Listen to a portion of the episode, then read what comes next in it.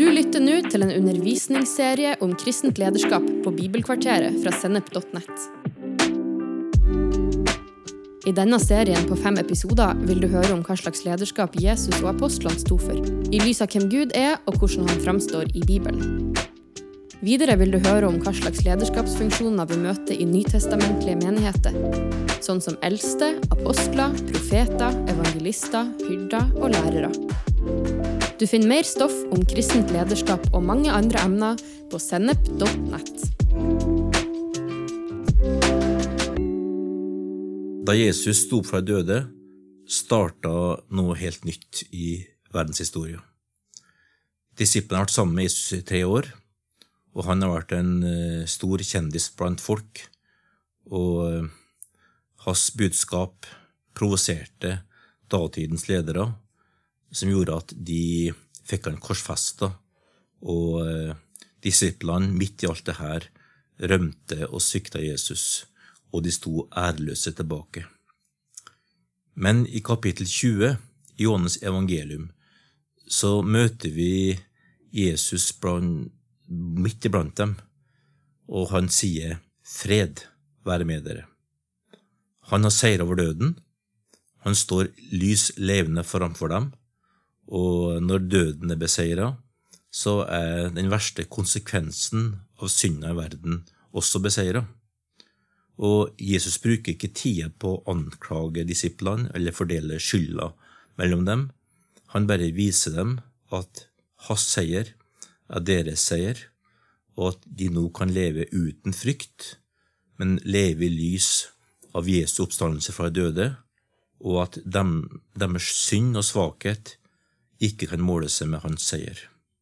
Og det her skaper en glede og en begeistring hos disiplene eh, som gjør at de blir Jesu etterfølgere for resten av livet, og de blir mer opptatt av det Jesus har gjort, og ikke opptatt av seg sjøl.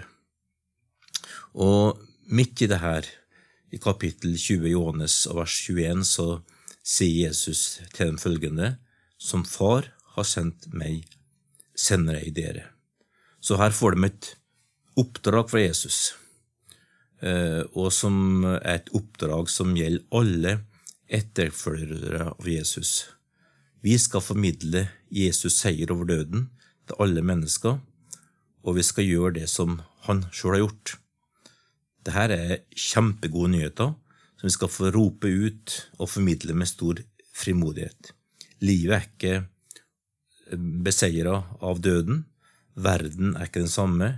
Guds rike bryter gjennom og vil gi framtid håp for alle mennesker på jord. Og Jesus har alltid siste ordet. I Johannes 17, vers 8 så bruker Jesu ordet apostello eh, på gresk om det her oppdraget som han gir til sine etterfølgere. Det ordet betyr egentlig utsendt, og det er et vanlig begrep i den romerske verden. En apostel er en som er utsending fra keiseren for å formidle alt det keiseren står for av styresett og kultur i det landet han kommer til.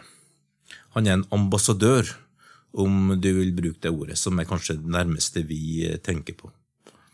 Han representerer noen andre enn seg sjøl og er deres forlengede arm. På den måten ble Romerrikets lover, kultur og tankegang spredt rundt i, Middelhavet og alle landene som romerne okkuperte gjennom sine kriger.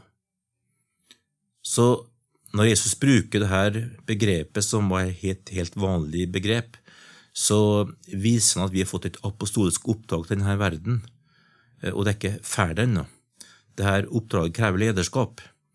Et lederskap som formidler eh, Jesu liv og alt Jesus står for der vi opererer. Så vi skal altså utbre Guds rike, og Jesus ba oss om å be la ditt rike komme her på jord, slik som i himmelen, i Matteus 6 og vers 10. Så når Jesus sier at slik Gud sendte meg, sender jeg dere, betyr det at på samme måte som Gud sendte Jesus, sender han oss. Vi skal sammen formidle Jesus til denne verden. Og det første han sier etter at han forteller disiplene om dette oppdraget, det er at de skal ta imot Den hellige ånd. Dette oppdraget fra Jesus er så stort at vi ikke klarer det med egne krefter. Derfor sa han at de skal vente på Den hellige ånd, i kapittel 1 vers 4 i Apostelens gjerninger. Dåpen i Helligånd, som vi leser om i kapittel 2 i Apostelens gjerninger, er en forutsetning for å få oppdraget fra Jesus fullført og gjennomført. Jesus underviser om Den hellige ånd i kapittel 13-16 i Johannes evangelium. Der beskrives Ånden som noen som er nær hele tida, og at dette her er Jesus sjøl. Det vil si at Jesus sjøl bor i oss ved sin Hellige Ånd, og leder oss i alt vi skal møte. Det innebærer at vi ved å bli døpt i Den hellige ånd får del i en måte å leve på som gir oss kraft og visdom, og som gir oss hjelp i alle situasjoner vi møter, akkurat som Jesus sjøl opplevde det. Kilden vi øser av i møte med livet, er kjærlighet, glede, takknemlighet, kreativitet, raushet og fred. Vi legger av de her gamle kildene til lederskap, som misunnelse, ambisjoner, frykt, maktbegjær og selviskhet. Derfor er dåp i Hellig Ånd og et liv i Åndens kraft en forutsetning for et bibelsk lederskap. En annen side av det her er at etter Jesu oppstandelse og utløsning av Den hellige ånd, så kan alle mennesker kjenne Gud liksom Jeremia og Esekel profeterte om. Ingen trenger å gå gjennom en mellommann, liksom Moses var, en prest mellom Gud og mennesker lenger. Dette her er en revisjonerende forståelse. Det var det den gangen, og det er det også i dag. Romerne 8 vers 15 sier at vi kan si pappa til Gud etter at vi har fått Den hellige ånd. Det innebærer en nærhet med Gud, der hver enkelt av oss kjenner Gud. Og, eh, og det er en utrolig hjelp og en forutsetning for å få et sunt og godt lederskap til å fungere. Og dette det her hjelper oss også i møte med dårlige erfaringer med fedre, og frykt for Gud og ånder og forfedre all verdens ting. Møte med Bibelens Gud gjennom Jesus Kristus gir oss en nærhet og en fortrolighet og en trygghet og fred i møte med pappa Gud og med alle andre som har autoritet og makt. Det at vi gjenoppretter fellesskapet med Gud og fordele det store oppdraget som Jesus gir oss, innebærer altså et ansvar. Vi skal stå til ansvar for Gud med våre liv, slik som Paulus sier i Romerbrevet kapittel 14 vers 12. Vi kan ikke skylde på andre. Vi velger ikke hva vi møter, men vi velger hvordan vi møter det. Hver enkelt av oss må lære å lede vårt eget liv og følge vår egen samvittighet i tro til Gud. Dette understreker Paulus i sin undervisning til Timoteus i kapittel 1 vers 19 i sitt første brev til Timoteus. Betydninga av å leve i tro med god samvittighet er en forutsetning og en eh, del av det å leve et sunt kristenliv og være en sunn og god leder.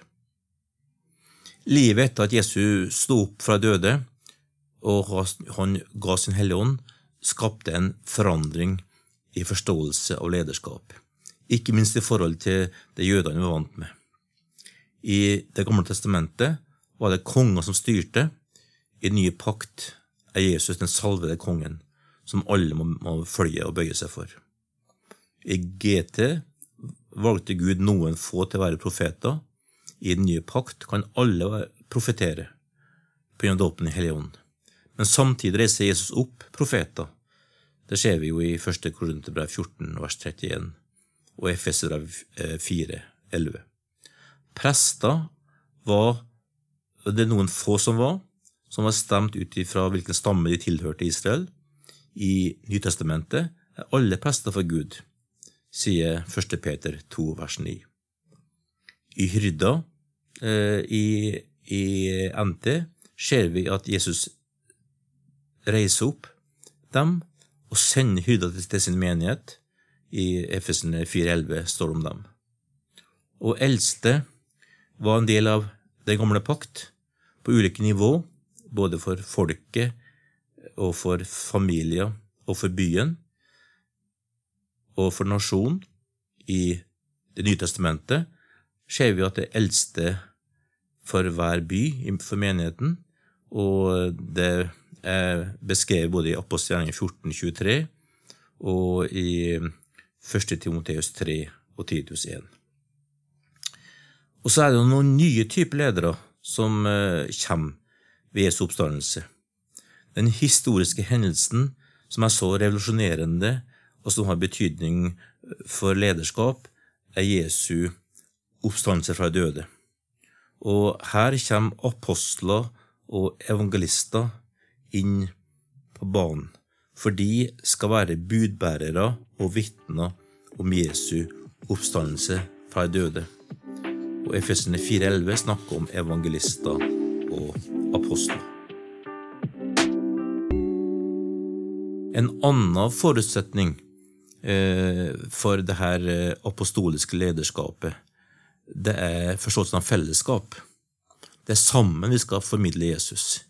Ingen av oss representerer Jesus alene. Det understreker Paulus mange ganger i sine brev, f.eks. i 1. Korinterbrev 12, vers 13, da han sier at vi alle er døpt med én ånd til å være én kropp. Og i vers 27 i samme kapittel sier han at vi er alle en del av Kristi kropp, og hver enkelt er lem på hans kropp. Det ser vi også når Peter står fram for kynnet på pinsedag, i Apostelgjerninger 2, vers 14. Peter står sammen, fram sammen med de elleve. Og Jesus sendte ut disiplene to og to. Det var minst eh, enheten han brukte, var to. Paulus og Barnabas ble sendt sammen til Antiokia, og Paulus sine brev ble gjennomsyra av masse medarbeidere som Paulus jobba med. Det var ikke et one man-show. Så vi har ikke en tjeneste, men vi tjener Jesus sammen. Den individualismen som vi ser mye av i kristen lederskap i Vesten, representerer noe som ikke du finner i Bibelen på den måten. Det blir for endimensjonalt, det skaper rom for maktmisbruk og kjødelighet, og representerer ikke det bildet av Jesus som vi er kalt til å formidle. I en bibelsk forståelse av lederskap er hver enkelt uunnværlig, men kommer til sin rett i et fellesskap med andre. På samme måte som kroppen består av milliarder av celler, så fungerer det bare godt når det er en del av helheten i kroppen. Slik er det også med lederskapet for hver enkelt av oss. Vi må fungere sammen med andre. Hierarkiet krever definerte roller og titler, rigid tjenestevei, tette skott mellom ulike funksjoner og en eh, general eller en administrerende direktør på toppen. Hierarkiet kom inn i kirka etter aposteltida og er, et, eh, og er bunn, fundert på en romersk og gresk tankegang. Jesus advarer mot denne typen lederskap i Matteus 23. Det er den som tjener andre og setter seg sjøl lavt, som er den som leder mest. Og Jesu liv er en demonstrasjon av det, her. Han kom til jord som en tjener, og han oppga sitt eget for å gi oss liv. Derfor har Gud opphøyd ham og gitt ham all autoritet, og det er vårt eksempel, sier Filipperne kapittel 2. Og veien til makt i Guds rike går ikke gjennom utdanning, strebing og posisjonering med spisse albuer. Veien går i å følge Jesu fotspor, og se andre, tjene andre, gi seg til de andre og bevare en ydmyk innstilling i alt vi møter. Da vil Gud velsigne og bekrefte oss, og folk vil ta imot og erfare Gud gjennom våre liv. Den som tjener mest, leder mest. Når vi forstår det her, ser vi også hvor sterk familietankegangen står blant de første kristne. Guds folk etter Jesu oppstandelse omtales som familie. Igjen og igjen snakkes det om brødre og søstre, fedre og mødre. Det gjennomsyrer tankegangen på alle plan og preger også synet på lederskap. Familien er den sentrale enheten i menneskets liv og har sitt opphav i Gud. Menigheten er en familie. Og Paulus sier i Efeserne 2, vers 19, derfor er dere ikke lenger fremmede og utlendinger, nei, dere er de helliges medborgere og Guds familie. Organisasjonsmetaforer er ukjent i Bibelen eh, når de beskriver menigheten, bortsett fra når de snakker om den åndelige kampen i bønn. Da blir ordet her brukt eh, for å forklare hvordan vi står i en kamp. Bakteppet i all undervisning om menigheten eh, så er det en forståelse av et oikos, et utvida nettverk, familienettverk, om du vil. Ingen lever kristenlivet isolert fra andre mennesker, og der ser vi også tydelig i Apostelens gjerninger 2, fra vers 41, der det står hvordan de da holdt seg trofast til apostelens lære, til fellesskapet, til brødsbrytelsen og bønnene. Og de møttes både hjemme og på tempelplassen og hadde et fellesskap sammen, der Gud ble opphøyd og mennesker ble møtt.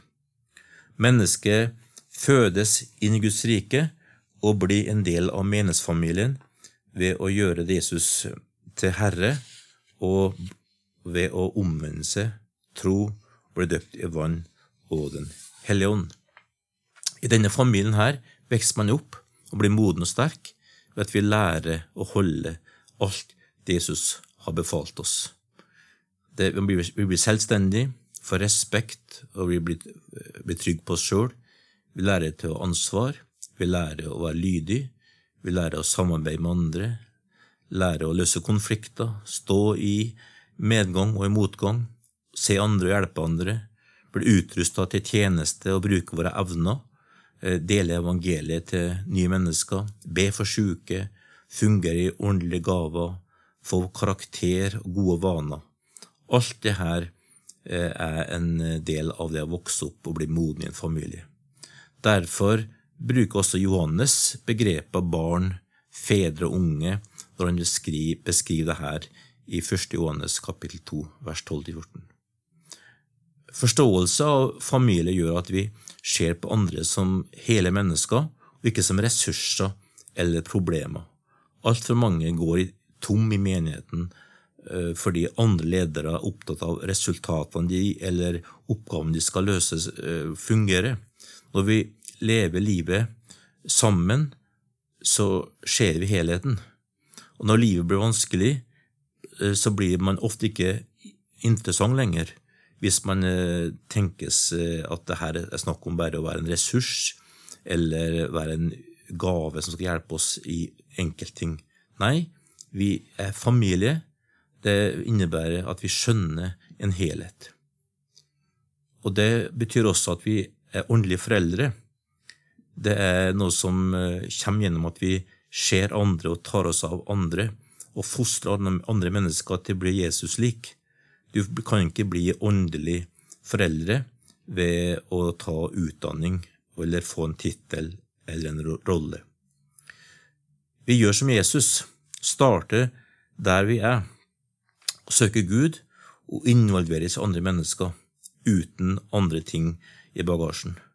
Etter hvert som det gror fram i spora våre, folk vokser, og tar ansvar, og folk følger oss, og folk får se frukta og bli fri og bli sterke i Gud, så vil folk samle seg rundt oss, og vi får tillit og innflytelse. Derfor så vokser lederskap fram mellom et folk. Identitet og trygghet ligger ikke i rollen eller tittelen vi har. Derfor kan vi takle at vi har ulike roller i Guds hus, uten å bli frustrert og skape bråk. Jeg er for eksempel både bror, sønn, far og bestefar i min familie. Det er en velsignelse. Vi har ulike funksjoner overfor ulike folk. Jeg er far til voksne barn i dag, og da er farsrollen veldig forskjellig i forhold til for 30 år siden. Det fungerer fordi vi er familie. Slik vil Gud at det skal være i menigheten også. Da vil generasjonsovergangene bli enklere, og vi kan fungere sammen på tvers av alder og kultur.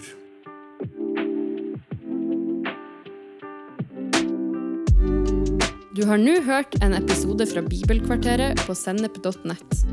Du vil også finne mer stoff på sennep.nett som gir deg inspirasjon til å følge Jesus i hverdagen. Innholdet på Sennep er gratis og tilgjengelig for alle, takket være økonomisk støtte fra kristent nettverk, menigheter og enkeltpersoner.